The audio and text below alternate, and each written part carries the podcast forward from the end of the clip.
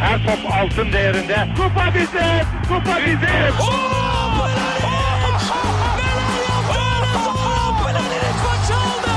Dengeli de attı. İsabeti de buldu. Magna Fontervi. Zora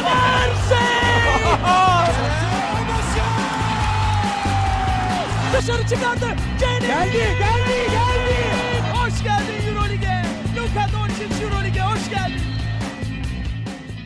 İkili Oyun'un 80. bölümüne hoş geldiniz. Ben Serkan Mutlu. Mikrofonun diğer ucunda basketbolumuzun çılgın ikilisi Ali Aktin ve Tancan Fümen var. Nasılsınız beyler? Huu! Çılgınız. Geçen yine çok çılgınız. Çok çıldırdık. Bir hafta aradan sonra NBA konuşacağız. Güzel konular birikti. Böyle içimde de bir his var bu program güzel olacak diye. Biraz da uzun olabilir. Şimdi konuşacağımız konulara baktım da bayağı bir yüklü yani. Kafa ütüleyeceğiz. Evet. En kötü program oldu. en son, en son bunu dediğimizde şey internet kopup duruyordu hatırlarsanız. Aynen. Çok kötü olacak. Çok berbat. Hemen başlamadan önce bize görüş, yorum, soru, öneri falan iletebileceğiniz kanallarımızı hatırlatayım. Web site adresimiz ikilioyun.com, mail adresimiz selam@ikilioyun.com. Muhabbete bekliyoruz Telegram grubumuzda t.me slash ikili oyun adresinden ulaşabilirsiniz. Twitter'da ve SoundCloud'da ikili oyun takip etmeyi unutmayın. Yayınlarımızın Geek Yapar'ın YouTube kanalından ve Power FM'in Power App platformundan da dinlenebildiğini hatırlatayım. Ee, konulara geçmeden önce iki tane soru okuyacağım. Onu da okumadan önce şeyi söyleyeyim. Bu bir ara ürettiğimiz Söz Sizde isimli harika bölüm var ya e, kullanıcılara söz verdiğimiz. E, bugün onu da yapacağız. Hem de futbolla ilgili e, olacak. Bugün biraz futbolda konuşacağız yani. Geek, Geek yapar da baya böyle başımızın etini yiyorlardı. Futbolda konuşun, futbol podcast istiyoruz falan diyorlardı. Alın size futbol diye böyle basketbolcularla futbolcuları karşılaştırdığımız güzel bir bölüm olacak. E, ama ileride önce iki tane soruyu okuyayım. İlk soru ee, biraz kayırırcasına arkadaşım Volkan Günal'dan geliyor. Hep senin arkadaşın mı soracak Tancan? Yardır karşı. Ya Volkan'ın şöyle bir sorusu var. Öyle aşırı şey değil hani şu an ölüyoruz bunu yanıtlamazsak sorusu değil ama güzel bir fantezi sorusu. Diyor ki NBA böyle bir karar alsa ve 3 sayıyı kaldırsa ne olur diyor. Simmons çok sevinir abi. Antetokounmpo ve Ben Simmons herhalde ligi domine ederler iyice. Muhtemelen. Oley be falan diye böyle evet, çıkıyor. Şeyin, Westbrook'un falan da işine gelir. Beyler başlıyoruz diye. Aynen, zaten %25'te falan üçlük atıyor. Bayağı mutlu. Toronto'da hemen oyun sistemini geri döndürüp mesafeye çevir. Bizi sevmedi kadar uğraşmıştık. Yok be çalışamadık falan diyorlarmış değil mi? DeRozan isyan ediyor değil mi? Aynen. Valla ee, bayağı ilginç olur ya kalkarsa. Değil mi? Tuhaf olur yani. Yani kalkmaya geçtik ama 4 sayı falan konuşuluyor bir de. Yani evet bu kadar artık mesafeler artmaya başlamışken kaldırırsan herhalde 70'lere geri döneriz.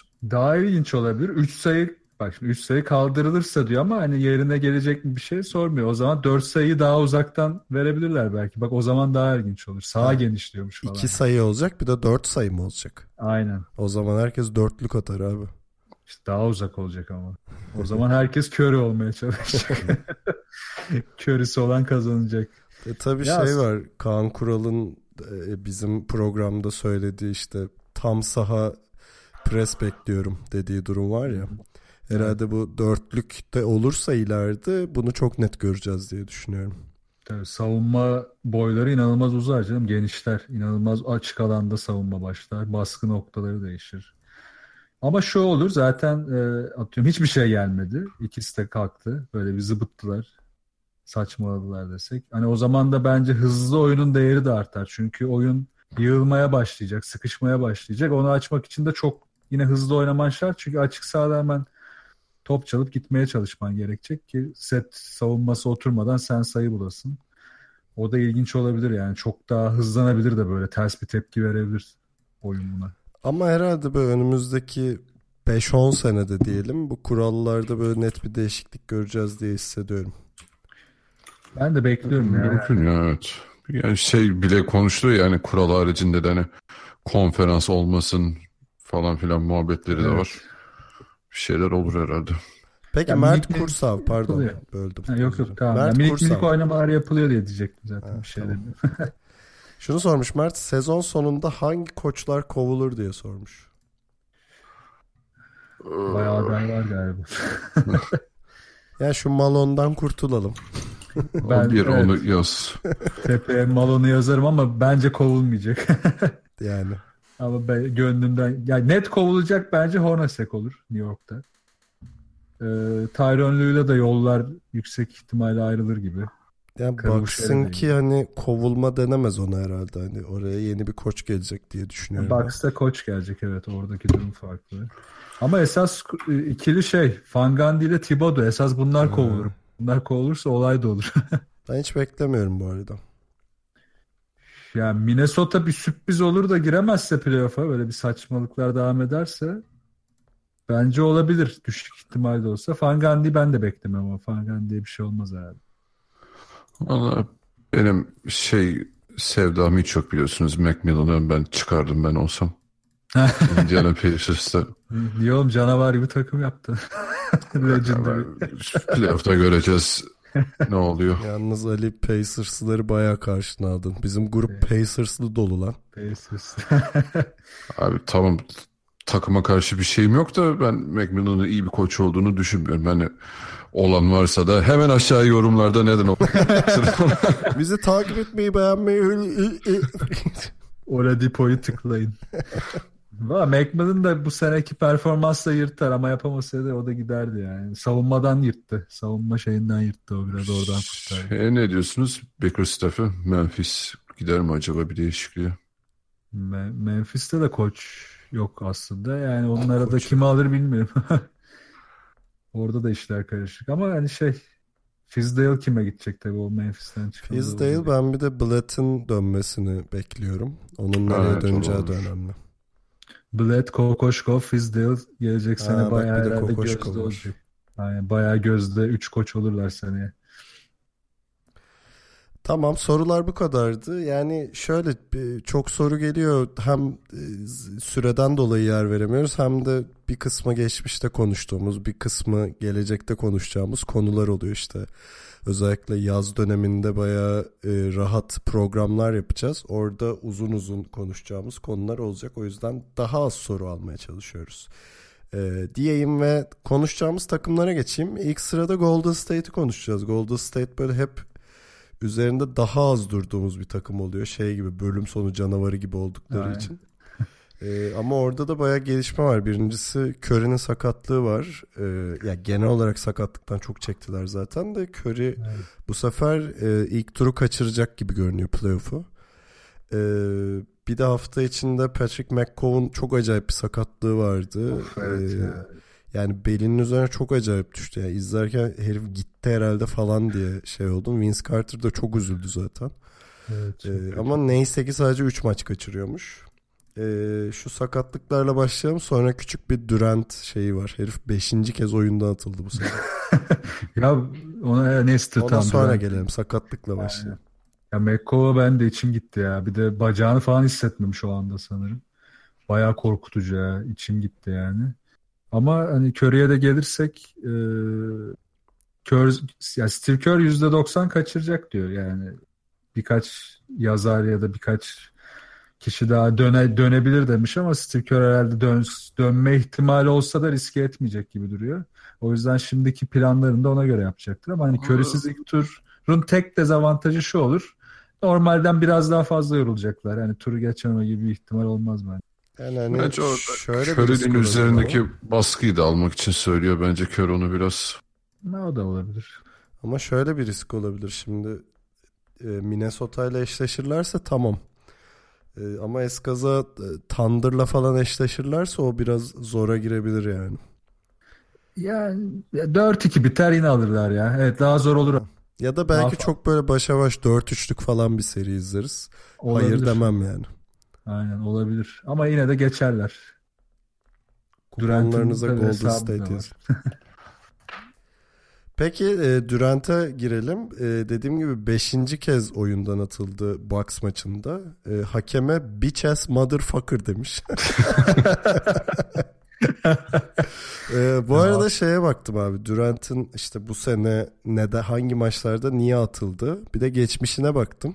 Geçmişte sadece bir kere oyundan atılmış biliyor musunuz? O da 2016'da e, şey Oklahoma'da işte. Çok Ee, sakindi canım normalde. Evet işte Memphis maçında Curry ile beraber atıldılar. Bir de seyirciye yüzük falan göstermişti o maçta. Evet, evet. Ee, Orlando maçında faal vermedi diye hakeme fuck you deyip atıldı. Ee, Pelicans'a karşı Cousins'la e, dövüşüp atıldı işte itiştiler falan. Ama Durant Caner. Erkin mi acaba ya? Ee, Knicks maçında yine faal verilmedi diye hakeme ana bacı yapıp atıldı. Ee, Bucks maçında da hakeme bitch ass motherfucker dediği için atıldı. Bunu demeyi çok seviyorum. Bitch ass motherfucker. Kapağı yazarsın artık. yani adam e, bir de şey diyor abi millet bunu sorunca hani sen eskiden böyle değildin deyince asıl Durant bu diyor yani. Gerçek Durant'i şimdi gördünüz. Evet. Bitches motherfuckerlar diye. O gerçekten çok tuhaf. Böyle Oklahoma'nın son dönemlerine, kendi son döneminde de böyle bir zıbıtmaya başlamıştı. Daha fazla konuşmaya falan. Golden State transferiyle zaten iyice coştu. Geçen de şeye Bill Simmons'ın işte podcast'ine çıktı. Orada biraz dinledim. Orada da böyle inanılmaz ergendi ya. Yani Bill Simmons bir şey diyor, atar yapıyor. Böyle devamlı sallıyor. İşte siz diyor maç izlemiyorsunuz diyor. istatistiklere bakıyorsunuz. Bilmem ne işte herkes bana karşı falan. Böyle bir tuhaf tuhaf ergen tavırlar içerisinde. Sahada da aynı şekilde.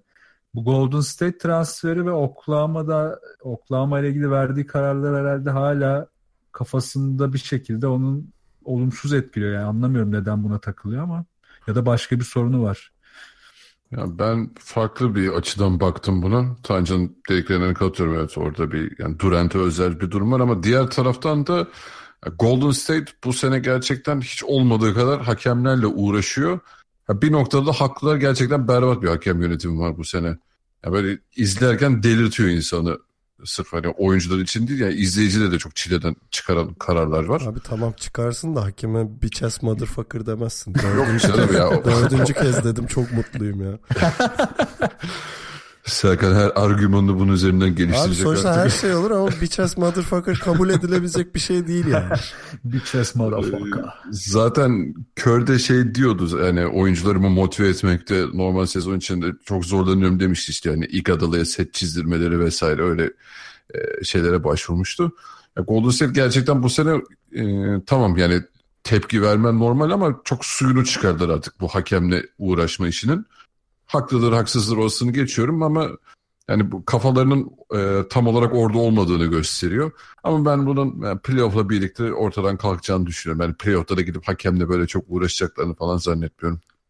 Yok playoff'tan çok Durant hani konuşmak istiyorum. Yani adamın psikolojik değişimi çok ilginç. Yani gerçekten böyle biri olabilir. Böyle bir değişim de yaşayabilirsin ama bana çok sert geliyor ve ben e, hani kişisel olarak o karakterde bir Durant'ı tercih etmiyorum. Yani eski hali çok daha olumlu, çok daha şey geliyor bana. E, pozitif geliyor yani. Ya bir de bu değişimin bir amacı yok. Yani öncesinde çok büyük zarar gördü öyle de hani şey böyle çıldırırsın ya tamam lan artık böyle olacağım falan. Hani öyle olmasını gerektirecek bir şey de yok. Yani kendi aldığı kararları genelde uygulayabildiği bir ortam vardı Oklahoma'da. Sakatlıklarla uğraştı. Oldu olmadı o başka bir şey. Golden State'e de tamamen şeyle geldi ama burada işte şeye çok takılıyor. Yani kamuoyunun onun üzerindeki muhabbetine ve hani buradaki egosunu da herhalde tatmin edemiyor onu. Oradan olumlu şeyler gelmiyor çünkü genelde hani şeye takılıyor ya Amerikan halkı da işte Golden State'e gitti işte davayı sattı bilmem ne carçut böyle ucuz muhabbetler. Ama buna çok takılmanın bir anlamı yok. E, para konusu da çok üzerine gelildi sezon başında. Hatta biz de geldik. Ben gittim Serkan- biraz çocuğun üstüne. Aynen Serkan ağzına sıçtı. Belki senin yüzünden oldu oğlum bilmiyorum çocuğun kafasına takılıyor yani. E, ondan sonra Twitter hesapları muhabbeti ortaya çıktı. Yani bir sosyal bir sorunu var bence burada. Zaten oyunla takımla bir şey değil. Yani sosyal bir sıkıntısı var. Bunu da çözmek için bir hamle yapmıyor gibi. Belki Draymond'la takılmakla olmuştur. Oğlum Tyson şey- Draymond sakin bu sene. Bence şeyle bitmeliydi bu muhabbet. Yani geçen seneki şampiyonluk ve MVP değildi. Hani Aynen. Bu bu konu onun için bitmeliydi yani ama hala böyle özellikle o Twitter'daki yorum olayı e, çok saçma hani kendi troll şeyi hesaplarının olması falan ya yani olacak iş değil gerçekten. Biz sağdaki oyunda buna zıt mesela. Yani sağda da bir ego göstermiyor ya. Yani Curry ile falan derken işte Clay ile falan gayet her şey yolunda sağda. Hani şeyler dışında hakemle atışmalarını falan saymıyorum da oyun olarak bir farklılık da yok. Yani herifin her bütün derdi başka bir şey. Hani bu oyuna yansısa diyeceğiz ki takım içinde bir huzursuzluk var artık. Yani Curry ile didişti top paylaşamıyor. Yani öyle bir şey de yok. O da daha da tuhaflaştırıyor iş. Ee, peki caza geçelim buradan. Ee, Caz böyle üst üste iki tane falan kritik maçı veya son topta kaybetti ama e, playoff'a tutunmaya devam ettiler. E, mesela işte Celtics ve Spurs'a çok ucu ucuna yenilmişlerdi. Ama böyle üst üste Golden State'teki biraz eksikler tabii işte Memphis, Minnesota, Lakers'ı falan yenip e, gene yukarılara tutundular. Hani eğer böyle dördüncülüğe de tutunurlarsa onlar için çok iyi olacak herhalde. Bir onları konuşalım. Valla Jazz zaten Şubat ayından beri çok inanılmaz formda. Ee, bunun tabii ki de e, şeyde çok büyük bağlantısı var. Ee, yani Gober'in dönmesiyle birlikte büyük bir çıkış yaşadılar. Ee, ben şey takısını da çok olumlu bulmuştum. Ee, Jay Crowder'ı. Yani tamam Boston'daki Jay Crowder'ı izlemiyoruz ama yani Cleveland'daki Jay Crowder olmadığı da kesin. Yani Jazz'a bir bench derinliği katmış durumda. Ee, ama yani buradaki en büyük değişim Ricky Rubio'ya tanınan özgürlük. Yani e, ben gerçekten hiç bu kadar büyük bir çıkış yakalayabileceğini Rubio'nun düşünmüyordum. Kendi istatistiklerinin çok üzerine çıkmış durumda. Yani Rubio genelde böyle 10-11 e, sayı ortalamasıyla oynayan bir adamken e, son özellikle bu 30 maçlık süreçte işte bu Şubat'tan beri işte 16.6 sayı ortalaması yüzde 45 üçlükler falan çok akıl almaz bir seviyeye çıktı ve yani o ona tanınan e, sistem içerisindeki özgürlüğün sonuna kadar e, nasıl diyeyim keyfini sürüyor diyeyim. E, yani evet dediğim gibi Gober'in çok yatsınamaz bir katkısı var o değişimle ama yani ben burada aslan payını Rubio'ya veriyorum. Yani, yani çok çok Minnesota zevk alıyorum şu an. 27 dakikada 6'da 5 üçlük attı. Hani daha da atacaktı da garbaca girdi maç. Hani 121-97 bitti maç. Ee, hani hep böyle şey o ezber var ya onun için. Şutu yok şutu yok diye. Ee, hani bazı maçlar evet gerçekten bir on off durumu oluyor herifin ama bence Ricky Rubio ile ilgili en güzel şey bence çok mutlu görünüyor herif. Hani saha içindeki ve dışındaki şey karakteri hali çok pozitif duruyor yani işte takım arkadaşlarıyla şakalaşırken görüyorsun falan. E, bu ortam bayağı işine gelmiş, iyi gelmiş yani Rubio'ya. Aynen. Hadi şeyi de biliyoruz ya Avrupa Şampiyonası'nın şampiyonasındaki halini de biliyoruz. Bayağı yani yakından izledik. Oradaki o durgunluğu işte oyuna hiç girememesi, berbat şutu. Ya bu arada Rubio'nun şutu Yok değil Rubio kötü şut atıyordu. Yani yokla kötü atmak ayrı bir şey. Yani %30'lara %25'lere düştüğü dönemler çok oluyordu ki yani sezonun belli alanlarında bu çok oldu. İşte bu sene %30'dan 40-45'lere kadar çekti. Yani dediğin çok doğru. Yani bir mutluluk var.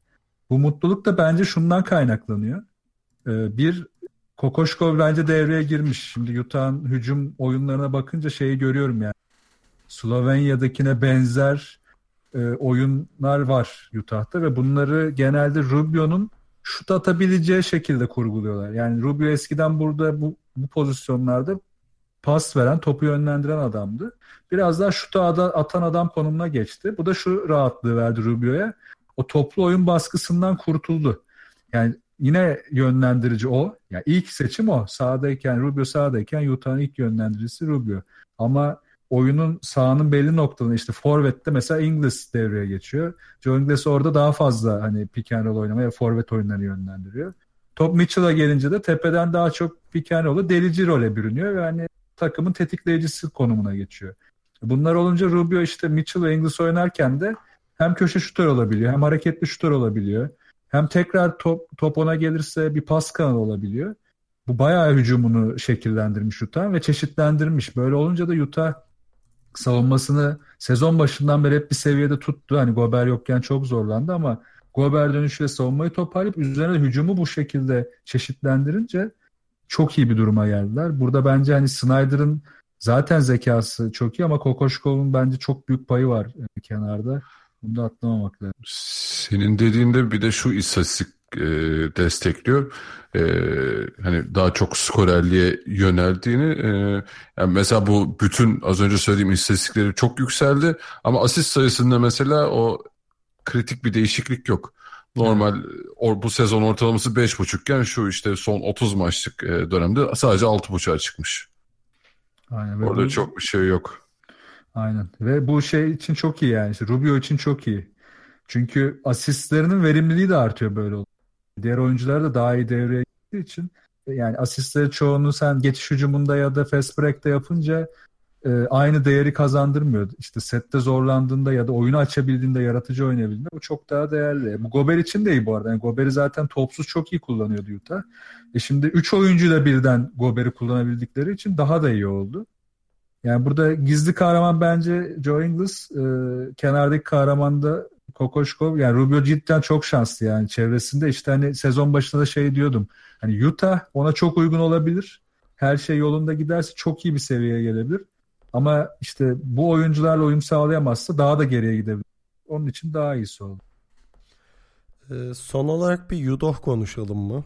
Böyle bir talep de vardı zaten. Yudoh geri dön. yani öyle bir söylenti de çıkıyor hafiften dönecek mi falan diye. Çünkü hani tamamen sonu garbage geçen e, Minnesota maçında 4 dakika oyunda kaldı yani Yudoh.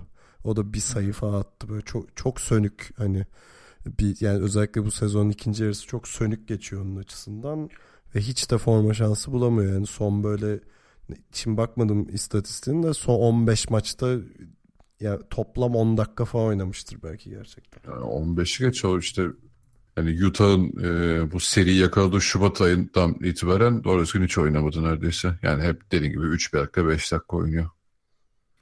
Ya Utah'ın şöyle bir şanssızlığı oldu. Yani bu hücum işi değişince Utah'ta değişmeden önce daha işe yarıyordu ama hücumda şimdi onlar için biraz sönük bir parça kaldı. Yani savunmada toplasa bile hücumda çok zayıf kalabiliyor. O yüzden de playoff dönemi geldikçe muhtemelen o yüzden de kadrodan silmeye başladılar. Ha mesela Boston'da olsaydı Yudo şu anda daha değerli olabilirdi. İhtiyaç da vardı. Boston'da şu an Ali falan da değerli ya. Aynen. Hepimiz değerli. E, yayından önce Tancan'la onu geyini yapıyorduk zaten yani. Artık Boston yani geleceğiz ona da böyle 10 günlük kontratlara düştüğü için yoldan adam çevirecek durumdalar yani. Ben, bence telefonunu açık tut hadi devamlı yanında. Aa Alo, Brett. Brett hocam. Alo Brett. Buyur abi. gelir mi ya? Brett Bey. Peki Boston'a geçelim buradan. Güzel yol açtık orada. Geçelim. Ee, hani şey diyorduk. E, Raptors birinci bitirecek kesin falan diyorduk. İki maça düştü fark ama pek çok zor yani. Ee, birinci gelmesi herhalde Celtics'in. Ee, ama son maçta Kadim Allen ilk beş başladı. Yuh dedim bu kim lan? Gerçekten siz bir, duymuş muydunuz adını? Yok. Yok abi. Oynamadı işte. Oynamış mıydı daha önce ben hatırlamıyorum bile. Bir, yani bir baktım bir 8 dakika falan oynamış bir ara böyle. Ha. Ee, bir de 23 ben... dakika oyunda kaldı yani. Bir bakıyoruz Doğuş Balbay yani. bu saatten sonra her şey olabilir. e, bence en garibi bu halde bile Cazı ve Raptors'ı yenmeyi başarmış olmaları. Hani Bucks'ı da az daha yeniyorlardı yani. Abi gerçekten inanılmaz ya. Ama işte bu harbiden Brad Stevens'ın Boston üstü bir oyun planı kurması ve bu planı herkes oturtmasının sonucu ya. Yani bunu yapmak. Mesela ben şeyi çok destekliyordum. Hani işte bu NBA'de de çok tartışılıyor. Tatum'un işte az top kullanması, işte bu kadar sakat varken bir hala Tatum'un dominant oyuncu rolünü üstlenmemesi, yani sezon başı için konuşuyorum hala. Ortası için o sakatlıkların olduğu bölümlerde. Israrla diyordum ki yani Tatum'un bu oyun düzenine alışması için o topu daha e, kontrollü kullanması, o oyun planına uyum sağlayarak oynaması şarttı. E şimdi bunun meyvesini yiyorlar. Yani Tatum bu iki maçta da bunun meyvesini yedi. Üstüne de maçı aldı. E, e, şey Jalen Brown aynı şekilde o iki senedir bu oyun planının içine devamlı adapte oluyor. E, görüyoruz işte daha önce hiç oynamayan oyuncuların hepsi demek ki idmanlarda bu plana gayet alışmışlar ve hepsini kafalarında oturtmuşlar. Onlar da devamlı uyum sağlıyor. E böyle olunca işte e, Monroe gibi bir kanser oyuncu bile size çok kritik bir rebound faydası verebiliyor işte. O yüzden de hani Yudoh mesela onun yerinde olsa o bence çok daha faydalı olabilir.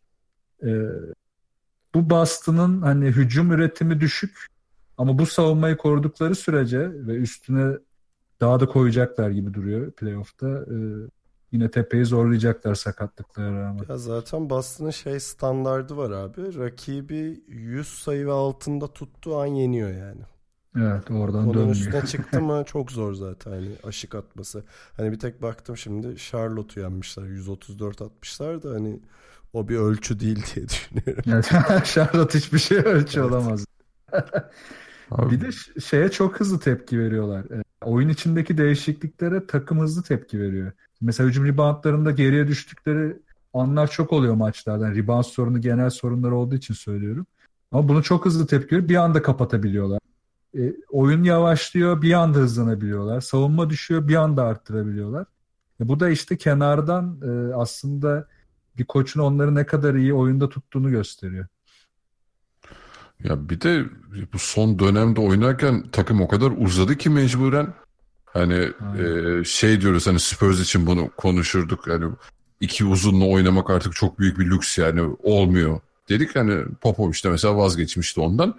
Ya Boston bu sakatlıklardan dolayı işte abi Al Horford'u, Baines'i, Morris'i falan o kadar uzadı ki takım bir anda. Yani mecburiyetten elde adam kalmayınca ki, ona rağmen e, son dönemdeki ben toparlanmayı ben hiç beklemiyordum açıkçası. Abi şeyde Bucks maçının ilk beşini okuyayım. Kadim Allen, e, Jalen Brown, Al Horford, Jason Tatum, Al Horford, Aaron Baines. Baines pardon. işte yani Baines üç, iki tane üçlük falan soktu yani geçen maç. Hangi maçtı unuttum. Yani herif sharpshooter falan gibi oynadı. Utah maçıydı galiba. Ha aynen aynen. Çok acayipti ya. Bak işte çok güzel örnek aslında verdiniz abi. Şey e, Stevens için de Popovic için de e, oyuncuları işte yönlendirme yeteneği çok standardı koyduğun zaman işte ne olur? Lamarcus hiçbir şey demezsen Gober'i alır sırtına oynamaya çalışır. İşte Baines de öyle. Yani Gober'e karşı gider sırtını alıp oynamaya çalışır. Ama ne yaptılar abi? Devamlı yüzü dönük. Baines bile yüzü dönük zorladı. Şut atmaya çalıştı. Dışarı çekti. Aynısını Aldridge de yaptı. Böylece Utah'ın o içerideki savunma kurgusunu devamlı kurcaladılar ve yer yer bozdu. İşte elindeki uzun faydasız gözükebilir. Onu faydalı yapacak sensin. Aynısı Monroe için de geçer. Monroe'yu bile Gober karşı devamlı yüzü dönük oynatmaya çalış. Çünkü sırtı döndüğün anda hiçbir şansın yok. Pas açın bile yok. Çünkü bir de üstüne yardım geliyor. Yüzünü döndüğün anda da işte iki takım içinde e, aynı faydalar ortaya çıktı. Hani Stevens'la Popovic'le hep benzetiyoruz. Bu da iyi bir örnekti aslında. Kısıntılar yaratıcılığı arttırır beyler. Evet güzel güzel topladın. Sen bir kitap mı yazsın? Sevdim bunu. Bu arada ben şeyde değinmeden geçersek çok büyük haksızlık yaparız Terry Rozier'e. Ee, Rozier'e değinelim bir de alan savunmasına değinelim. Yani bu adam e, şu an üçüncü senesinde Terry Rozier. E, yani ben şey e, e, kendini yazdırabilir diye Kyrie'nin yokluğunda hani sürekli 5 başladı ve takımı sürükledi. Hani şey o şey kategoriye giriyor mu öyle olunca bilmiyorum. O kadar çok 5 başladı ki bu kadar e, ikinci yani second unit oyuncusuyken. Neyse yani ben şansa e, YouTube'da mı Twitter'da mı nerede önüme çıktı bu şey hayat hikayesini anlatan videoyla karşılaştım. Ya, tabii ki bunun NBA'de çok çok fazla örneği var ama yani Terry Rozier'in de gerçekten çok berbat bir e, çocukluğu ve şey geçmişi varmış. E, yani işte baba sürekli hapiste bilmem ne. Kendini böyle LeBron'un yaz okulunda falan parlatmış isimlerden bir tanesi. Ve daha üçüncü senesinde yani e, kadar işte Boston Celtics gibi bir kulübe gelip de sürükleyici role e, geçmesi çok çok acayip bence yani işte bu da hani kulübün başarısı diyebiliriz yani 16. sıradan seçtiğin adamla e, bu kadar çok katkı almak bu kadar kritik anlarda yani e, zaten Hayward'ı saymıyorum yani Kyrie'yi bile kaybettiğin dönemde Tamam Ali ya. ona güvenmek Boston'ı buldu susmuyoruz. tamam harika. Evet okey tamam. yeşil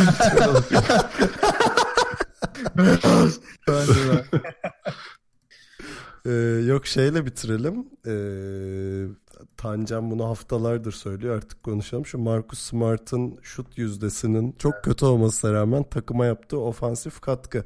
Buyurun Tancan Bey. Uzun zamandır konuşmak istediğiniz bir konu. Evet ya bu tuhaf bir konu. Hani şundan taktım kafayı. Bu 90'larda ben basketbol oynarken bizzat benim başıma yani. Ben yaptım diye koç o zamanki koçumla yaşadığım bir diyalogtan aklımda kaldı. Ya işte şeye bakıyordum hani yine bu tartışmadan araştırmaya geçtim. İşte Tatum niye top kullanmıyor? Smart bile daha fazla top kullanıyor birçok oyuncudan. Niye böyle falan. Bir bakınırken aralıkta yazılmış bir yazıya denk geldim. O yazıda özetle şunu diyor. Yani Smart'ın şut yüzdesi düşük ama atmaya devam ediyor. Ve ilginç bir şekilde e, bu yüzde düşük olmasına rağmen atmaya devam ettiği sürece Boston daha yüzdeli şut buluyor. Daha fazla pozisyon yaratıyor. Şimdi evet, bunu biraz sahadayken kurdum. offensive ratingi çok daha yüksek Boston. Aynen. Ama baktığında hani kendisinin üretimi o kadar verimli. Bunun nedenini işte biraz kurcalayınca pozisyonları falan yazıyı yazan kişi de şimdi hatırlayamadım adını. Ee, o da şey yakalıyor yani atamayacağı durumlarda bile hani bir tehdit olduğunu hissettiriyor sahada. Yani top top eline geldiğinde ya çok keskin bir fake atıp drive ediyor. Çünkü savunma üzerine sanki o üçlüyü sokacakmış gibi geliyor ve onu işte engellemeye çalışıyor. Yani şey düşünmüyor savunma. Ya bu adamın şut yüzdesi düşük. Ben bunun üstüne niye gidiyorum? Bu tepkiyi düşünmüyor çünkü öyle bir alışkanlığı yok. Smart işte bunu saha içinde fake olarak yani yanıltıcı olarak yapıyor gibi bir algıya getirmiş. Aslında bu doğru. Yani bir oyuncu saha içinde aslında birçok pozisyonu ya da e, farklı pozisyonları fake olarak kullanabilir ve hani olduğundan daha yüksek bir tehdit gibi gösterebilir. Bunu 90'lardan önce 90'larda da yani Yugoslavlar, Litvanyalılar çok yapıyorlarmış. O zaman da işte koç o zaman çalıştığım koç bana bahsetmişti hani ben de çok iyi bir oyuncu değildim o dönem için. Hani yapabildiğin şeyler var ama iyi yapamadığın için çok iyi yapabiliyormuş gibi gösterirsen sahadaki başarılı olma şansın artar demişti. Bunun için idmanlar yapılmıştı falan. Ee, şimdi Brad Stevens e, aynen çok ilginç bir durum. Brad Stevens'ı düşününce de yani Smart'ı böyle kullanabilecek bir yapıyı oluşturduysa yani adamın vizyonun ne kadar geniş, eskiyi bile nasıl kurcaladığını anlayabiliyoruz ki bunun üstüne de zaten alan savunmasını evrim geçirtip sahaya koydu. Yani 90'ların alan savunması adam 2018'in alan savunmasını yaratmış durumda. Yani baskılı bir çok geniş alanda yapılan bir alan savunması. İşte bu oyun içinde Smart'ın değerini anlamak için bunları biraz yakalamak gerekiyor. Bunu görünce çok hoşuma gitti bu yazıyı. Hani bundan sonra Boston takip edecekler. Smart'ı bu gözle izlerse bayağı yakalayabilirler. Ali tamam tatmin oldun mu Boston? Yani 50 dakikadır Boston konuşuyoruz. Bu podcast'ta Boston konuşulmuyordu ya. Ben işte böyle boykot koyarsanız bir yerde patlıyoruz ne yapalım. Baskı kurallar baskılar insanları. Peki Spurs'la devam edelim. Arkadaşlar ben bunu defalarca söyledim. Daha kaç kere söylemem lazım. Her şey olur, bir şeyler gelişir. Nasıl olduğunuzu an, nasıl olduğunu anlamadığınız bir şekilde Spurs gene playoff yapar. Bunu aklınızdan çıkarmayın.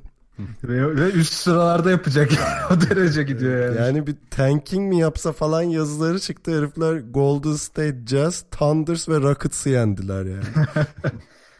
Rockets'ı yendiler bir de o arada. O evet. çok iyi maç. Ama Rockets tam bir şeydi ya. Popovic maçıydı yani. Aynen. Kaybettikleri maçlarda kafa kafa. Bir Wizards maçı biraz dandikti ama Bucks ve Clippers maçları da sonunda gitti yani. Ve tabii şeyi herhalde konuşacağız. Aldridge'in çıktığı seviyeyi bir konuşacağız herhalde. Aynen yani resmen gurur meselesi yaptı ya adam bence.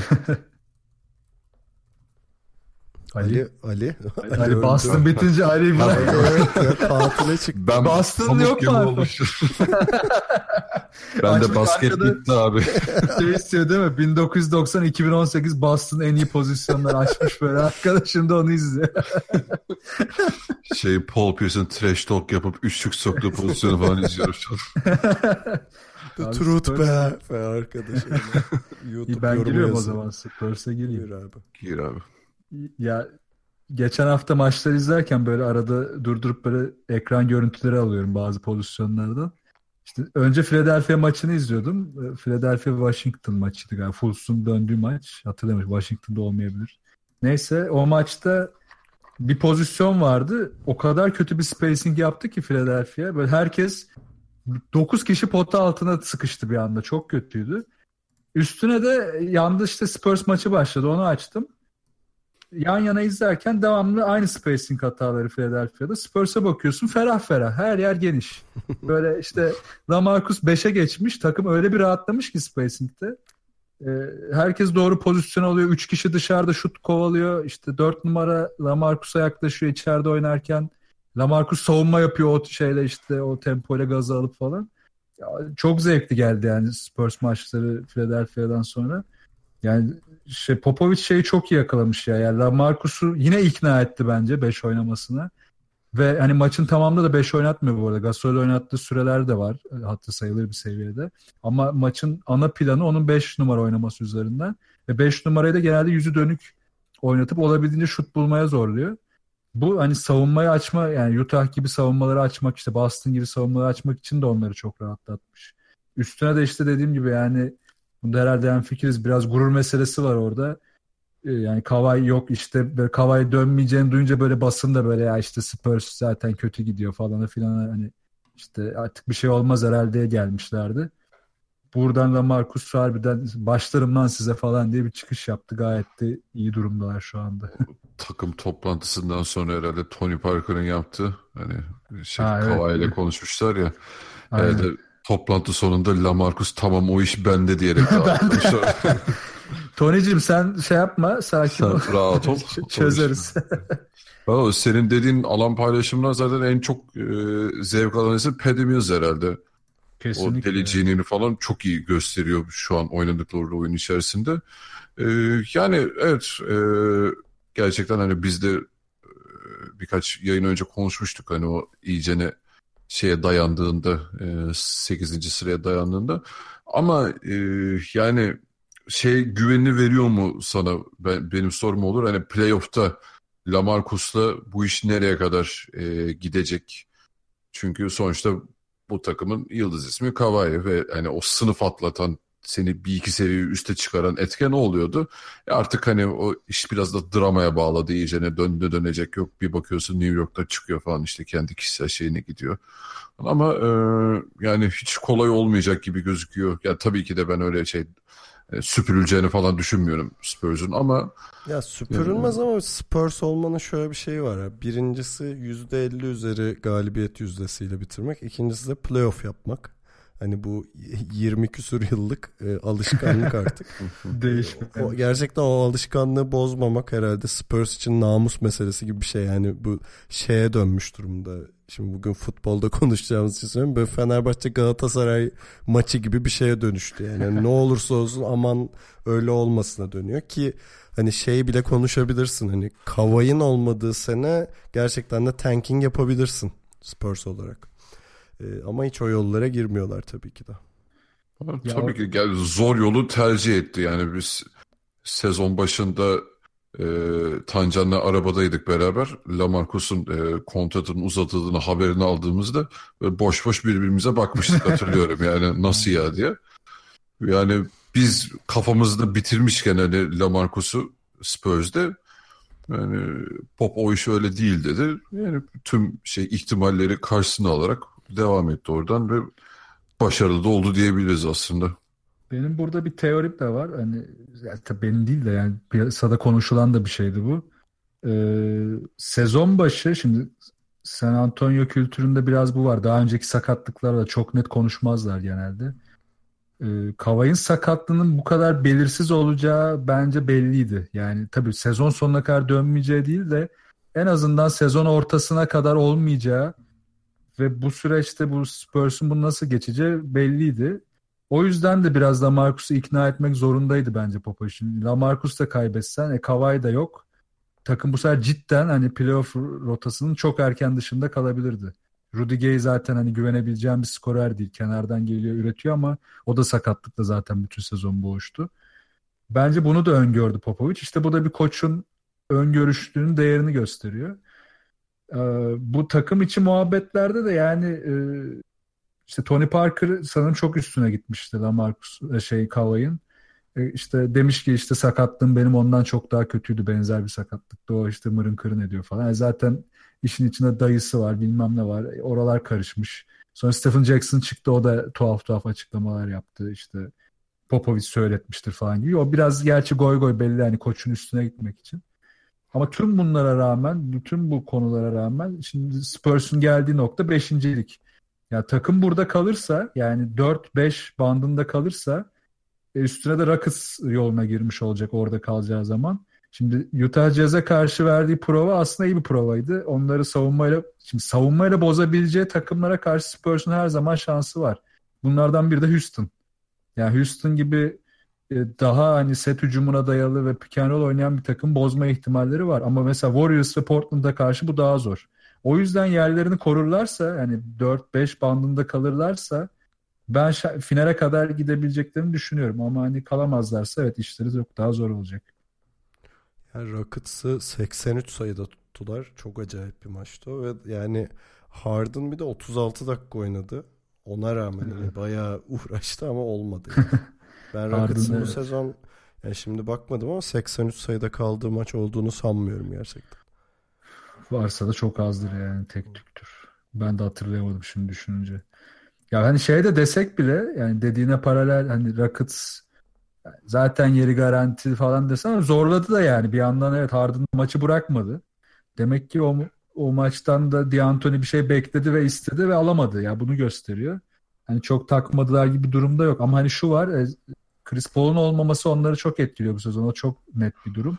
Onun olmaması işte e, biraz da bench katkısının kötü olması Houston'ı çok hızlı etkiliyor. Onların da çok sağlıklı kalması lazım playofflarda. Yoksa zor. Orada o maç üzerinde bence şey de çok etkili oldu abi. Şey şu an San Antonio Spurs zaten ligin en yavaş oynayan takımlarından biri. E, yaş itibariyle hem e, fiziksel aktivite anlamında. E, Houston da Tabii çok formdalar o ayrı ama oyun temposunu Houston da aşağı çekmiş durumda. Bence en ters gelebilecek takım geldi zaten Houston'a ve yani evet. San Antonio orada avantajı avantaja çevirdi o yavaşlığı. Ya tek fark bu şu olur. Ee, yani geçen sezon son topa kaldığında Spurs avantajlı ama bu sene son topa kalırsa Houston daha avantajlı olur. İyi güzel bağladın. Evet. Ee, son konuşacağımız konuda Sixers olsun. Ee, uzun zamandır konuşmuyorduk gene kendilerini. Bu, bu programın o da gediklilerinden. Ee, Fultz döndü öncelikle biz program yapmıyorkene. Ama daha kötü bir şey oldu. Embiid sakatlandı. Evet. Ee, tabii Embiid'in bu göz çukuru mu ne oluyor?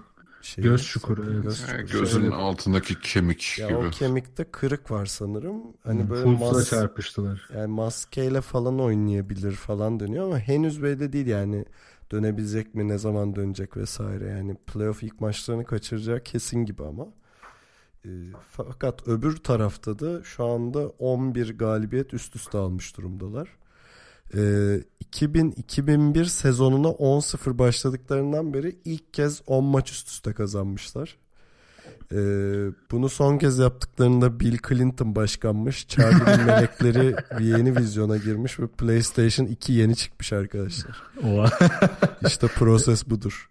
Oha inanılmazmış. Ve Namoski hala Efes'te falan da herhalde ya ben Maske deyince Aynen. Namoski deyince aklıma hep şey geliyor. O da bir dönem böyle maske olayı olmuştu ya bu 90'lara çok Ama ona maske diye şey cüzan maskesi takmış. Teknoloji ne kötüymüş o zaman. Adam şey diyordu böyle aşağıya göremiyorum sadece görebiliyorum falan diye.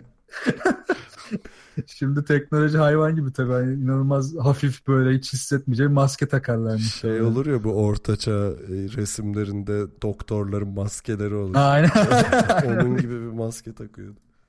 Yani inanılmaz. Bu Ondan... arada o pardon abi şeyi söyleyeyim hemen sana Söyle. geçirmeden. Sakatlandığı pozisyonda da Fultz'la çarpıştılar. Fultz hiçbir şey olmamış gibi devam etti. Yani Fultz'un kafası da sağlanmış bu arada bayağı. bu arada Fultz'un da şey omzu çarpıyor ya. O da evet. sakat oldu omzu. Yani çok ucuz yırttı yani Philadelphia gerçekten. Ki hani Embiid'in sakatlanacağını söylesek herhalde böyle bir sakatlık isterdin. Değil mi? Yani eline ayağına bir şey olmadan. Kafası kırılsın işte. yani ki ve ben öyle çok da uzun süreceğini zannetmiyorum. Belki ilk başlarda biraz hani şut ritmini falan görüşünü falan bir derece etkileyebilir ama e, yani olabilecek en temiz sakatlıkla atlatacak herhalde. Yani tabii ki de bir dönüşünde birkaç maç o bir rahatsızlık verir mutlaka ona ama e, yani playoff için ben bir şey o sakatlığın bir etkisi olacağını zannetmiyorum ve diğer yandan Fultz döndü. iyi de döndü. Hani e, o şey çok soru işareti vardı onun sakatlığında doğru düzgün bilgi alamadık.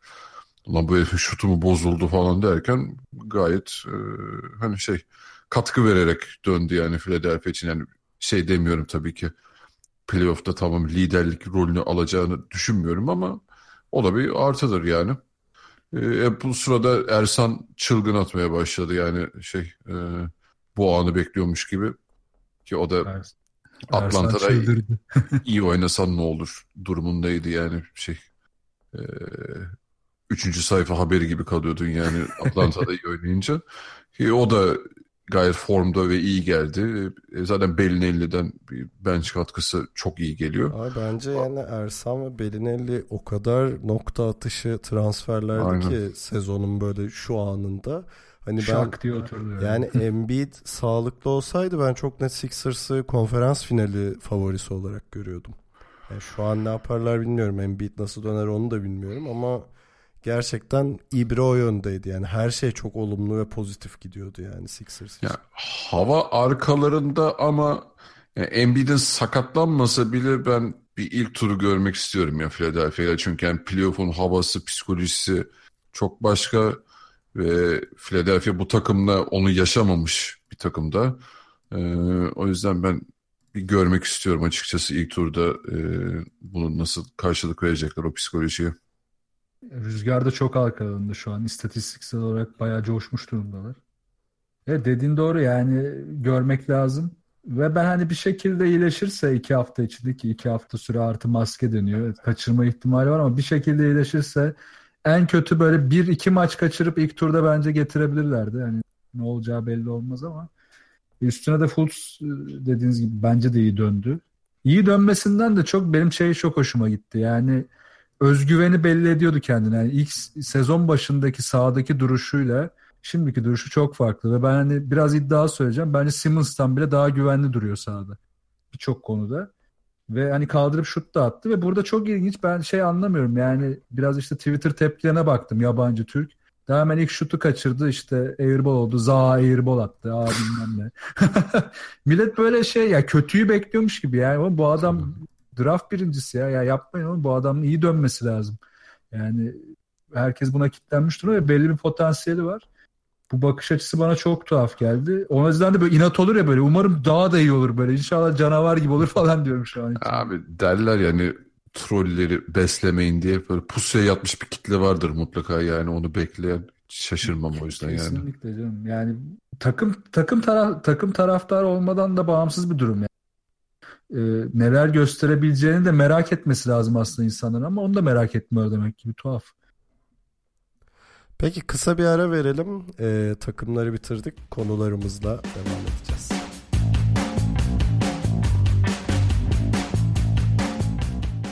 İlk konumuzla giriyorum. İlk konumuz LeBron James'in vücudu. Böyle söyleyince çok seksi oldu. evet seksi vücudu. Yok şöyle e, kim attı o tweet'i hatırlamıyorum da işte LeBron James'in e, kendi kişisel bakımını ama işte hem yani fiziksel bakımı için yılda bir buçuk milyon dolar harcadığını e, söyledi. Hı hı. Aldığı şeyler işte bu e, kriyoterapi denen şey böyle e, galiba buzumsu bir şeyin içine giriyorsun falan öyle bir şey. Evet. E, hyperbaric chambers bu basınç odası dediğimiz Darth Vader'ın nefes alabildiği şey var ya. Aynen. e, o e, Normatec bacak botları falan gibi böyle aşırı teknolojik e, şey kürlere sokuyor kendisini. E, üstüne kişisel aşçısı var, kişisel antrenörü var. Bu çok normal tabii. Ve çok net ve sert de bir diyeti varmış. Hani 33 yaşında bu performansını neye borçlu dediğinde bir buçuk milyon dolar harcadı. Bu vücuda borçlu herhalde. Yani çünkü hani bütün şeyi alamet ya bütün alamet farikası demiyorum da hani o gücüne çok fazla e, dayanan bir basketbol olduğu için de herhalde doğru bir yatırım yapıyor yani. Kesinlikle ya. Başka ya gidip Jeep de alabilir ya. Saçma sapan. Lamborghini alayım. Canım vizyona bak ya. o, işte Hiç bu şey vizyonu. Hayır, hayır bu şey vizyonu oğlum. Türk futbolcusu Türk ve basketbolcusu futbolcusu, vizyonu yani. Caner Erkin'sin mesela 10 milyon dolar kazanıyorsun. Gidip ne yapıyorsun? Pembe jip alıyorsun ya da işte Lamborghini alıyorsun. Oğlum bunu şey yapmıştı ya çok komikti. Ee, kim Gökhan Gönül Fenerbahçe'de ilk sezondan sonra gidip direkt hayvan gibi bir araba alıp borca girmişler. Ondan sonra da diyorlar 30'umuzda işte bize kimse bakmıyor. Türk futbolcuları sevmiyorlar. Türk basketbolculara yüz, yüz verilmiyor.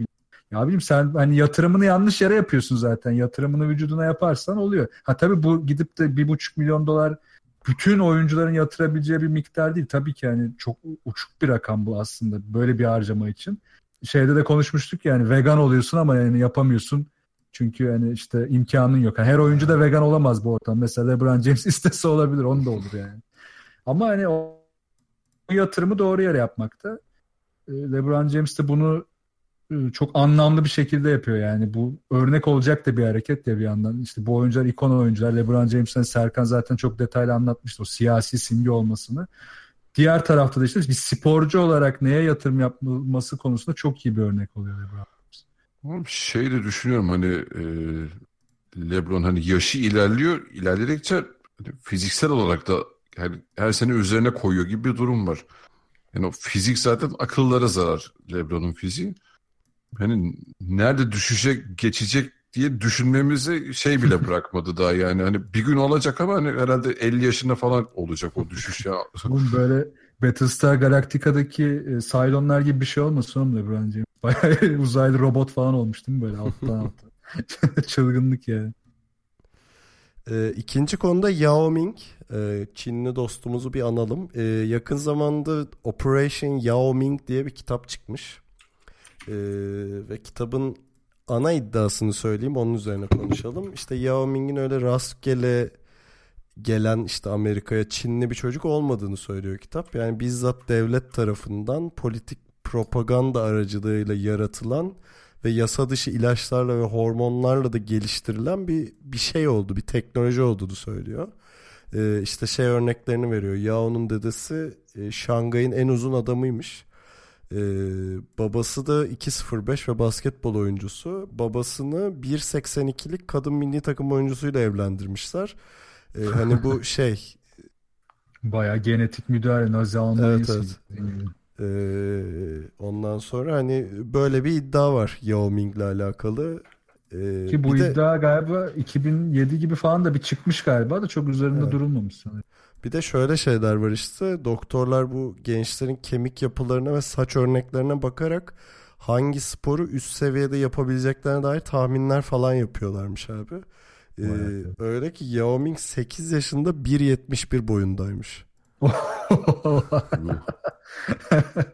ben kaç 12 yaşında 1.50'ydim bak onu hatırlıyorum. işte. bayağı bayağı zorluymuş yani. Ya Çin'de ama böyle bir şey e, hep duyuyorduk yani şey derler işte Çin'de sporcu olmak aslında sporcu olmak değil bir nevi köle olmak gibi. Yani başarısız olduğunda hapis cezaları, daha farklı cezalar, devamlı tehdit tehdit üzerine kurulu idmanlar. İşte zaten bir tip şeklinde eğitiliyorlar ve o tip şeklinde bütün hayatları geçiyor. Tabii Yao herhalde bunun içine daha özel bir yerdeydi ama Çin'de hep duyduğumuz bir şeydi. Ama Yao'nun bu seviyeye gelmesi bu işin ilk başarılı örneği ol- oldu herhalde bu seviyede. Tabii şeyler doğruysa yani varsayım mı bilmiyorum hani içeriğini çok fazla ama e, bundan sonra böyle bir örnek çıkar mı onu görmek lazım. Düzenli çıkarsa çok büyük risk yani bundan sonrası için. Ee, peki e, bu da böyleydi. Şimdi beklediğimiz o futbol konuşacağımız ana gelelim. Ya bu arada program uzuyor da artık uzasın önemli değil. Kaç bakayım. Ya, E, 50 dakikayı geçmişiz. Geçen hafta da yapmamıştık zaten. Dolu Ee, dolu. evet dolu dolu gidelim. Ee, şöyle bir şey sorduk Telegram grubumuzdakilere. Bu arada hemen hatırlatayım Telegram grubumuzu. t.me slash ikili oyun. Ee, sorumuz da şuydu. Hani bir basketbolcuyu, e, bir koçu ya da bir takımı, bir futbol oyuncusu, bir teknik direktörü ya da takımıyla eşleştirseniz ya da benzeştirseniz hangi örnekleri bulursunuzdu? Ee, beş tane güzel cevap geldi. Ee, onlara yer vereceğiz. Ön, bu arada siz çalıştınız mı bilmiyorum da benim de birkaç örneğim var. Var mı sizin de? Var kafamda bir. Bir iki tane var benim de evet. Peki. Ama önce izley dinleyicilere verelim sözü. İlk sözü de gediklimiz olan Alpay Başkan'a verelim. Alpay e, Brad Stevens'ı birine benzetmiş bakalım kime. Ben Brad Stevens'la Diego Simeone'yi benzetiyorum. Çünkü Diego Simeone de e, gerçekten hani çok yetenekli olmayan kadrodan, genç bir kadrodan e, çok başarılı işler yapmayı başarıyor. E, ve bunu biz şampiyonlukla da süsledi aslında. Brad Stevens'ın daha şampiyonluğu yok ama ben ileride olabileceğini düşünüyorum. Bu yüzden bu ikisini ismi benzetiyorum. Nasıl benzetme?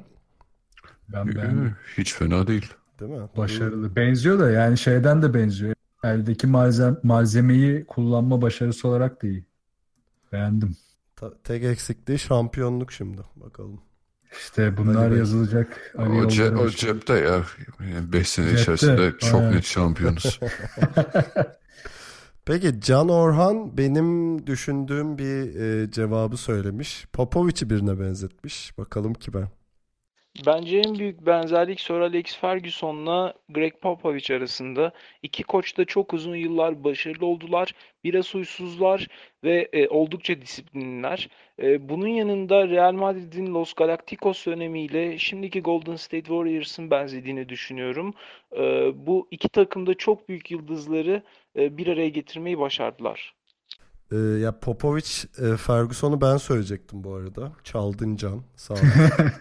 E, peki ama şey yani kesinlikle benzediklerini ben de düşünüyorum karakter olarak. Bir de hani 20 yıldan fazla takımın başında kalması, kariyerinin tamamını onunla geçiren yıldızları olması ve devamlı çok üst seviyede oyun oynamaları nedeniyle iki e, işte koçu ve teknik direktörü ben de benzetiyorum.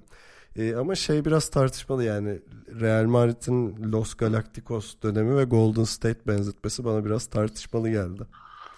Ha, evet. Ben katılma. Ya futbolla NBA'yi özellikle ona bence benzetmek zor ya. Ben mesela Barcelona derim. Barcelona'nın şey dönemi derim yani işte e, Gu- Guardiola dönemi falan derim. Ben bunun Golden State'e ve Curry haksızlık olduğunu düşünürüm. Yani Evet çünkü ya. gerçekten yani tamam bir şey yıldız ve Yani tam şey bir Golden- oyun bozansın ya gerçekten.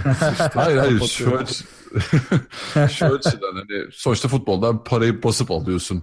NBA'de bunun için çok daha fazla planlama Ama ama gerek. bak Serkan'ın Barcelona örneği güzel bence orada. İşte Evet. bir- şimdi Golden State'in elindeki oyuncular aslında sıfırdan o noktaya geldiler. Golden State'le beraber yükseldiler. Klay Thompson, işte Curry, üstüne Green. E, düşük sıralardan gelen adamlar. O yüzden Barcelona'nın Xavi Iniesta'sı gibi güzel bir örnekle iyi bağdaşabiliyor bence. O açıdan Evet. değerli. Ya Barcelona şu anki hal değil ben Guardiola'lı halde. Evet, aynen. Ha, Guardiola okey, da tamam. yani. ona katılırım. İyi, eyvallah sağ ol ya. Hadi iyisin. Peki Cengiz Antaş Kyrie Irving'i birine benzetmiş. Aklıma Kyrie Irving ile Ronaldinho geldi. Çünkü Ronaldinho zamanında izlemesi çok zevkliydi, çok yetenekliydi. Ama yaptığı hareketler de bir o kadar zordu. Kyrie Irving de aynı şekilde. izlemesi çok zevkli, çok yetenekli. Ama yaptığı hareketler de onun da çok zor. O yüzden bu ikisini birbirine benzettim. Ee, ben de bu arada Kyrie Irving'i benzetecek pardon Kyrie Irving'i demişim Ronaldinho'yu benzetecek adam ararken hani Kyrie mi yoksa Jason Williams mı desem diye düşünüyordum. Ee, hani Ronaldinho'nun şeyi vardır ya çok acayip hareketleri çok ciddi maçlarda yapabilen bir adam ya. Ee, yani Jason Williams'ı da ona benzetiyordum ama oynadıkları seviye olarak herhalde Kyrie daha bir doğru bir benzetme gibi geldi şimdi. Benim de aklıma gelen 2-3 eşleşmeden biriydi açıkçası bu. Yani saf yetenek olarak baktığımızda e, ben de böyle düşünüyorum. Katılıyorum. Ronaldinho gibi seksi hareketleri var kendisini seviyoruz. Peki dördüncü benzetmemizi Muhammed yapsın. Soyadını bahsetmemiş. Clay Thompson'ı bir oyuncuya benzetmiş. Muhammed'i dinleyelim. Andres Iniesta ve Clay Thompson'ın da oyuna verdiği katkı çok büyük. Bunu ballandırmadığı böyle pop bulamadığı için çok büyük gözükmüyor ama çok iyi katkı veriyorlar. Oyun stilleri de çok benziyor. Iniesta dribbling yapan, oyuna katkı veren, böyle asist yapan oyuncu ama gol atmayan oyuncu mesela. Thompson da üçlük yapıp def triyendi ama asist mesela çok oranları çok, rebound oranı çok büyük değil. Karakter olarak çok benziyorlar. Şimdi iyi aile çocuğu tipi var. Iniesta hakkında herkes e, her annenin isteyebileceği çocuk diyor. Clay Thompson da zaten hala annesinin aldığı tişörtleri giyiyor. Iniesta hakkında herkes anne her annenin isteyeceği tipte bir çocuk diyormuş. Ee, Clay Thompson da annesinin kazaklarını mı giyiyormuş tişörtlerini? yani annesinin ördüğü kazakları galiba. Yani biraz daha kişilik olarak benzetmiş gibi yani oyundaki duruşu ve kişilik olarak benzetmiş gibi geldi ama hani oyun şekli ve teknik olarak e, pek benzetemedim ben açıkçası. Yani Iniesta daha farklı. Daha yön verici bir oyuncu. Clay o kadar yön veren birisi değil. Bence de. Peki son benzetme Mete Hoca'dan geliyor. Bence yapılmış en iyi benzetme bu. Bunu geçebileceğimizi sanmıyorum. Hazırsanız Mete'yi dinliyoruz. Ben Victor Oladipo ve Muhammed Salah'ı eşleştirirdim herhalde. İkisinden de çok büyük beklentiler olmasına rağmen ilk etapta bu beklentileri fazla karşılayamadılar. Ee, daha sonra yeni takımlarıyla beraber beklentilerin çok üstüne çıktılar. Takımlarını da üst seviyeye çıkardılar. Kaldı ki ikisi de 92 doğumlu. Yani futbolu son dönemde daha az takip ediyorum ama tabii ki de Salah'ı biliyorum yani. Hani Oladipo'nun geldiği noktayla Salah'ın geldiği nokta gerçekten birbirine çok benziyor. Mete'ye helal olsun çok iyi yakalamış yani. Evet bu en iyi benzetme bence de ya. Cuk oturmuş, şak diye oturmuş. Pat diye oturmuş. Ee, ben o zaman kendiminkileri söyleyeyim. Söyle abi. Birincisi e, Boston Celtics Liverpool. Boston Celtics Liverpool. Yani- Bu biraz aşağılama mı iyi? Yok aş- yok, aşağılama değil. Hani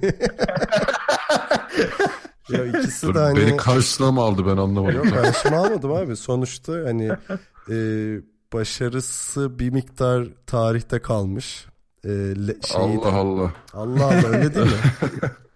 Bence doğru. Hani efsa hani efsanesi gerçekten geçmişe dayanan e, şeyi taraftarı kendisine çok bağlı olan ve duruş olarak da benzeyen iki takım olduğunu düşünüyorum Liverpool'la Boston Celtics'in. Bence doğru. O açıdan benziyor. Hatta evet ikisi de yani yükselişle beraber yakın dönemde daha Evet yani yükseldikleri dönem de aynı oldu evet. Bir de o da var. Oyuncu kim? Oyuncu var mı? Dur de- devam ediyorum daha var. Ee, gene takım söylüyorum. Ee, Spurs, Bayern Münih. Oo. Ee, yani istikrar abidesi olması açısından iki takımın da. Şimdi oyuncuları Olabilir. ha pardon bir takım daha var söyleyeceğim. Yardır. Bu biraz tartışmalı olabilir. Ee, biraz çekiniyorum bunu söylerken ama. Ee. Yok. New York Knicks Fenerbahçe. E, abi şu, şu yüzden bu yani e, hani burada bir tartışma açmaya çalışmıyorum gerçekten ama Fenerbahçe'nin Türkiye'nin en me- medyatik kulübü olduğunu düşünüyorum. E, yani e, Fenerbahçe'nin yenildiği maçta da yendiği maçta da hep böyle çok üst perdeden konuşulur Fenerbahçe. Özellikle medyada ve sokakta da böyledir. Hani aynısı New York Knicks için de geçerli.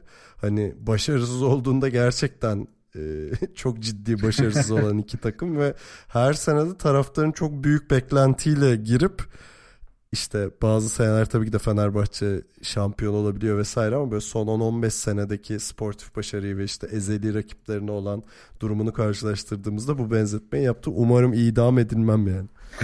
Tuhaf yıldız transferleri ve olmaması da var tabii. O da, da Evet. benziyor. Yok Ee, bence güzelmiş bu. Böyle anlatınca hoşuma gitti. Oyunculara geçiyorum. Bu konuya çalıştım. Oğlum bayağı yardırmışsın. Evet. Ama dur merak ettim. Çok güzeller. Erkan evet ilk 11'ini sayacak sanırım şimdi. Ee, Cousins, e, Luis Suarez. Yani bunu Vay. pek anlatmaya gerek yok herhalde. Yani E, Ay, aslında bayağı iyiymiş ya. Evet. Bir ısırmıyor. Tek farkı o. Isırması lazım. yani ısırır da yani çok şey. Isırmasın iyi böyle neyse. Ee, ikinci oyuncu Cedi Osman, Enes Ünal. Hani bu, Aa, bu bu güzel. çok bariz zaten neden oldu. Aynen. Bu da güzel. Üçüncüsü bence en iyisi hazır mısınız? Söyle. Bill Russell, Barış Hersek. bir an anlamadım ha. Winner oğlum. Allah Allah. Muhteşem ya. Evet abi yüzük sayıları bile aynı olabilir. ah be bu çok iyiymiş. Evet. Tamam, ödülü sana veriyorum. Yani bir Oladipo. Salah değil ama hoşuma gitti. Abi süper ya. Yüzük sayısı bile muhteşem oldu. Tamam süper. Yazdım bunu. Peki sizden duyalım var mı? Valla benim çok yok ben söyleyip geçeyim. Serkan kadar çok hazırlanmadım ben. Benim aklıma şey geldi. Vince Carter, Ronaldo. Brezilyalı Hmm. Ronaldo. Hmm. Hmm, gerçekten öyle lan. Oha çok iyi. İkisi de en prime dönemlerinde çok domine eden ve durdurulamaz güçlerdi bence. Ee, ama tam ikisi de istediğimiz kadar uzun sürmedi ve sakatlıklar çok ikisinin de önünü kesti. Ben öyle bir benzerlik kurdum. Güzel. Ben de Başka var mı? Ama iyi. İşte bir Kyrie Ronaldinho'yu düşünmüştüm. Ee, bir tane daha var ama o Tancan benden önce düşünmüş sonradan fark ettim ondan çalmayayım. O devam etsin. İyi Tancan hadi buyur. Dur, tamam söylüyorum. Takımda bir Arsenal destekçisi olarak e, Portland Arsenal zaten Serkan'la konuşmuştuk bunu. Her sene playoff yapıp bir bok yapamayan. Bu sene onu da yapamadı Arsenal. Neyse en şey altıncılığımız garanti en azından. Takım olarak güzel oturuyor bence. Takım konusunda o değil de daha çok oyuncu düşündüm. Ee, Ginobili Pirlo diyorum. Çok Bence güzel böyle ya. şak oturuyor. Aynen bu hem yaş olarak geldikleri konum ve o yaşta bile verdikleri performans Yani tekniği, olgunluğu her şeyle gerçekten cuk oturuyor. Aynen güzel oturdu. Bir de yeni oyuna uyan bir oyuncuyu hani bir kaleciyle eşleştirebilir miyim diye düşünürken hemen ilk aklıma Gober'le Van der Sar geldi ya. Ha, benim de aklıma bu gelmişti sonradan. El Gelmiş kol da uzun değil mi? Aynen kollar uzun tam bir kaleci. Ya Gober de kaleci olsa çok korkutucu olurdu herhalde. bir de şey yine senin sordun abi Serkan. Bulamadım ya bak bunu bir tartışalım. İbrahimovic kim olur ya? Buna ben birini oturtamadım. Abi ben çok düşündüm. Ee, sonra aklıma biri geldi ama söylemeye çekindim ya. Yani Biz bize oğlum söyle ya. Üç kişi dinliyoruz hep. yok Dwight Howard geldi aklıma. Hmm. Ee, yani olabilir var benzediği yönler ama çok birebir o kadar benzeyen bir adam yok yani İbrahimovic ayırında. Evet. Yok. Bazı noktalardan yakalıyor Howard evet. Evet. Hani ego olarak, yetenek olarak ama hani her zaman ortaya falan. Ama birçok açıdan da yakalıyor. Ben de bulamadım ya yani Beasley. bir... ya İbrahim kadar çok başarılı uçuk olduğu değil de. dönem de var ama ya. Çok başarılı olduğu dönemler var. Ona, Evet, ona evet. oturt. Yani İbrahimovic işte fark o zaten. Çok üst düzeyde de oynadı yani. Aynen. O, orası oturmuyor. Neyse bunu bakalım seyircilerden, Twitter'dan falan yardım. Yorum alanına yazın, beğenin, şey Yazın, yapın. yorum Ben yazın. asıl şey topuna girecek olan var mı diye merak etmiştim de Jordan topuna kimse girmemiş. Jordan'a ya ilk akla gelen tabii Messi falan oluyor ama hani mesela LeBron James, Ronaldo direkt kafada oturuyor ama hani Jordan'ı da biriyle oturtmak zor.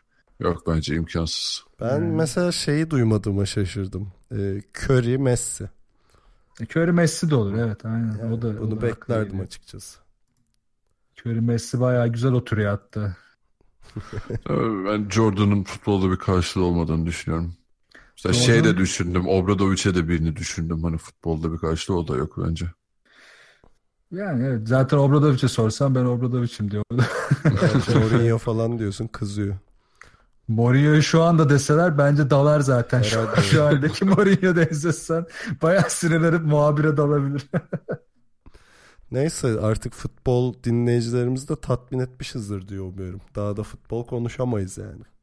Yok abi Türk, Türkiye ikliminde futbol mümkünse konuşmuyor. Yani demin New York Knicks Fenerbahçe derken dereden su getirdim yani.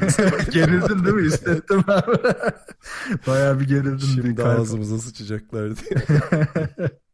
Neyse son kısa arayı verip e, kısa bir NBA magazin turuyla bitireceğiz.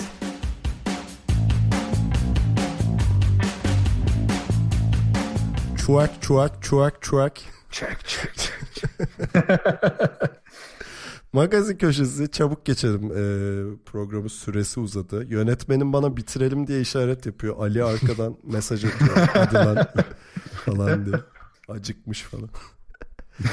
ee, ilk konu şey Anthony Davis'in kaşları konusu. 1 Nisan şakası çıktı işte. Arkasında da bir markanın şu an adını vermeyeyim. Para verirse veririz adını. evet, güzel sponsor. Sponsorluk et ikili oyunu yok. ee, ya kaşlarımı keseyim mi diye bir anket başlatmıştı geçen hafta. Geçen hafta mı işte geçen günlerde. Sonra kestim dedi işte ankette kes Aynen. çıktı deyince. Gerçekten de kes silmiş halinin bir videosunu paylaştı. Sonra bu bir 1 Nisan şakası çıktı. Ben gerçekten kesmemesi gerektiğini düşünüyordum zaten. Hani hani Harden'ın sakalı, Davis'in kaşları hani çok e, ikonik iki şey. İşte bir de halamın şeyi.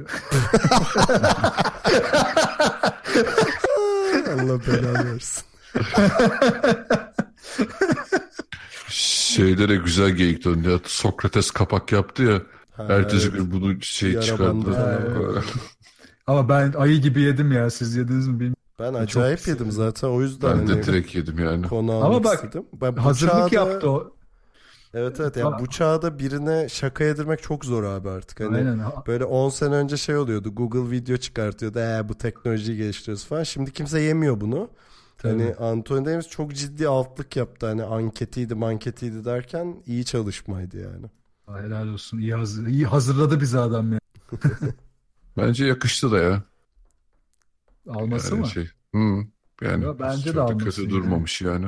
Ben almaması taraftarıyım. Davis'i böyle sevdim. Ha yok benim çok umurumda değil de yani alınmış halde kötü. işte oğlum adam herkes bir buçuk milyonu bir vücudunu harcıyor.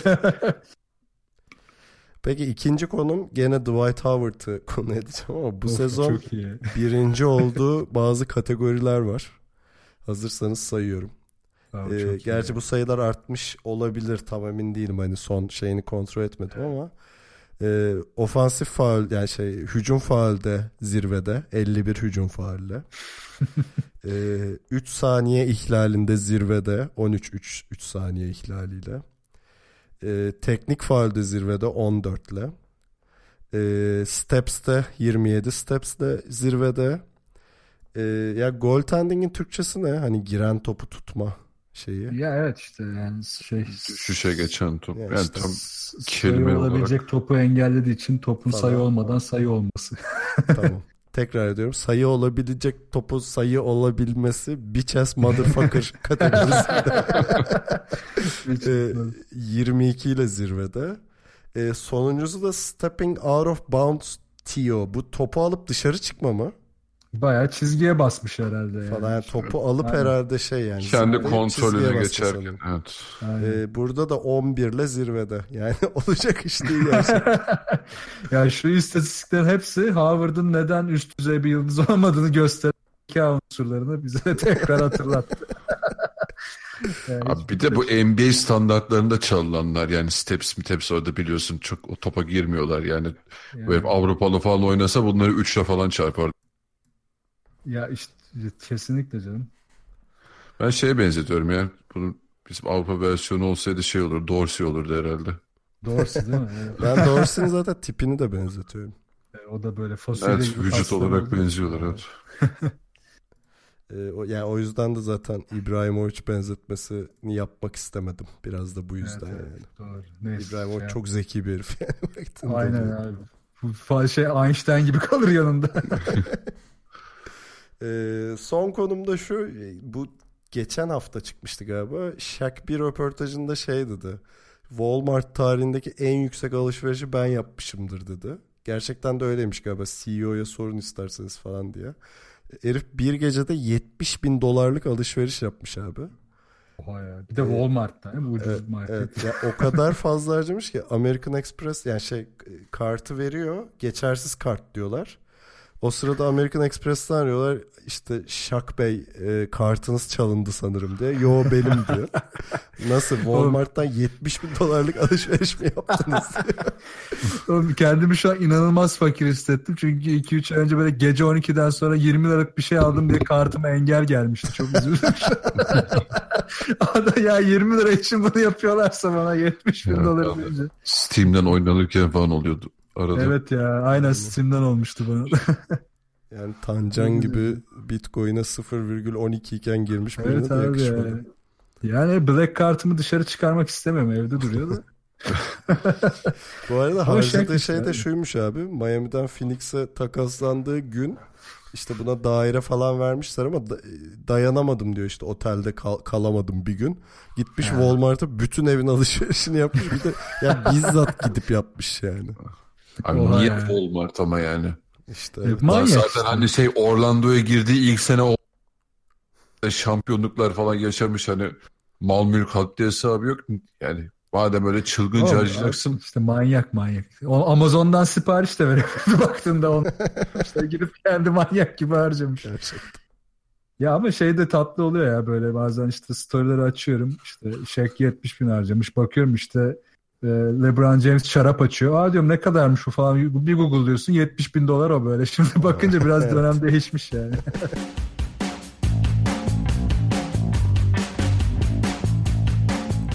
İkili oyunu dinlediğiniz için çok teşekkür ederiz. Ee, hem NBA'de hem e, Euroleague'de normal sezonun artık sonuna geldik neredeyse. Ee, playoff döneminde yeni eğlenceler ne diyorum toparlayamadım. Ee, yani neyse şeyi konuşacağız işte bütün playoff takımlarını ve eşleşmeleri konuşacağız herhalde. Ee, bu program da bir saati bayağı geçti ama geçen hafta NBA yayını yapmadığımızı düşünürsek normal konuları biriktirmiştik bilerek. Dolmuşuz. Ee, hemen bize görüş, yorum, öneri, soru falan iletebileceğiniz kanallarımızı hatırlatayım. Web site adresimiz ikiloyun.com, mail adresimiz selam.ikiloyun.com. Telegram grubumuz var t.me slash ikiloyun. Twitter'da ve SoundCloud'da ikili oyun takip etmeyi unutmayın. Yayınlarımızın Geek Yapar'ın YouTube kanalından ve Power FM'in Power App platformundan takip edilebildiğini de hatırlatayım. Önümüzdeki hafta görüşene kadar kendinize iyi bakın ve hoşçakalın. Hoşçakalın. Görüşürüz.